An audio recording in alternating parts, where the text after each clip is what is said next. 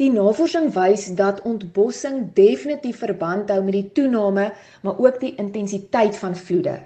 'n Studie wat in 2007 reeds gedoen is deur navorsers van Singapore en Australië, het bewys hoe die ontbossing die risiko van vloedrampe verhoog.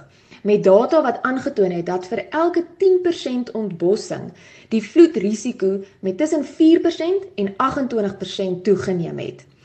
'n 10% ontbossing kan volgens hulle studie ook beteken dat die vloedtydperk met 8% verleng word.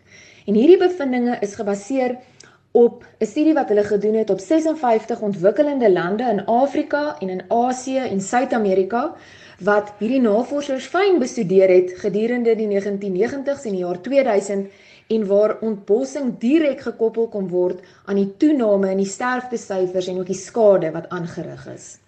Nou bome en natuurlik ook ons groen areas bied vir ons wat ons noem ekosisteemdienste. En een van hierdie dienste is reguleringsdienste. En dis byvoorbeeld wanneer bome en plante help met die beperking van vloedskade of ander voorbeelde is die voorkoming van erosie of plaagbeheer of bestuiving. Dit bied natuurlik ook vir ons ander ekosisteemdienste in die vorm van voorsieningsdienste. Nou dis byvoorbeeld soos voedsel of geneesmiddels wat afkomstig is van plante en bome. En 'n ander kategorie is ondersteunende dienste. So dis soos die regulering van die stedelike klimaat of byvoorbeeld die verwydering van koolsuurgas uit die atmosfeer. En dan 'n vierde kategorie is kulturele dienste, soos waar ekosisteem dienste dan nou sekere ontspannings of geestelike voordele bied wat dan nou bydra tot die kulturele of die sosiale voordele van 'n area. Nou in die geval van ontbossing neem ons onder andere hierdie reguleringsdiens weg. Wat beteken reënwater word nie meer so effektief opgeneem nie en kan selfs die afloop van reënwater nou versnel wat dan sal lei tot hierdie vloede.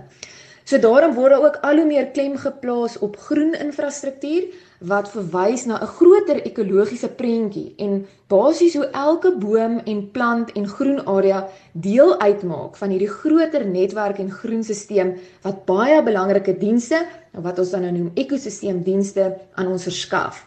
En dis ook die rede waarom die mense dan baie mooi moet besin oor ontbossing en die koste waarteen dit kom soos wat ons nou ook duidelik in Mosambiek gesien het. Ontbossing raak verskeie aspekte in ons omgewing, van die klimaat en geografie tot die hidrologie en biodiversiteit.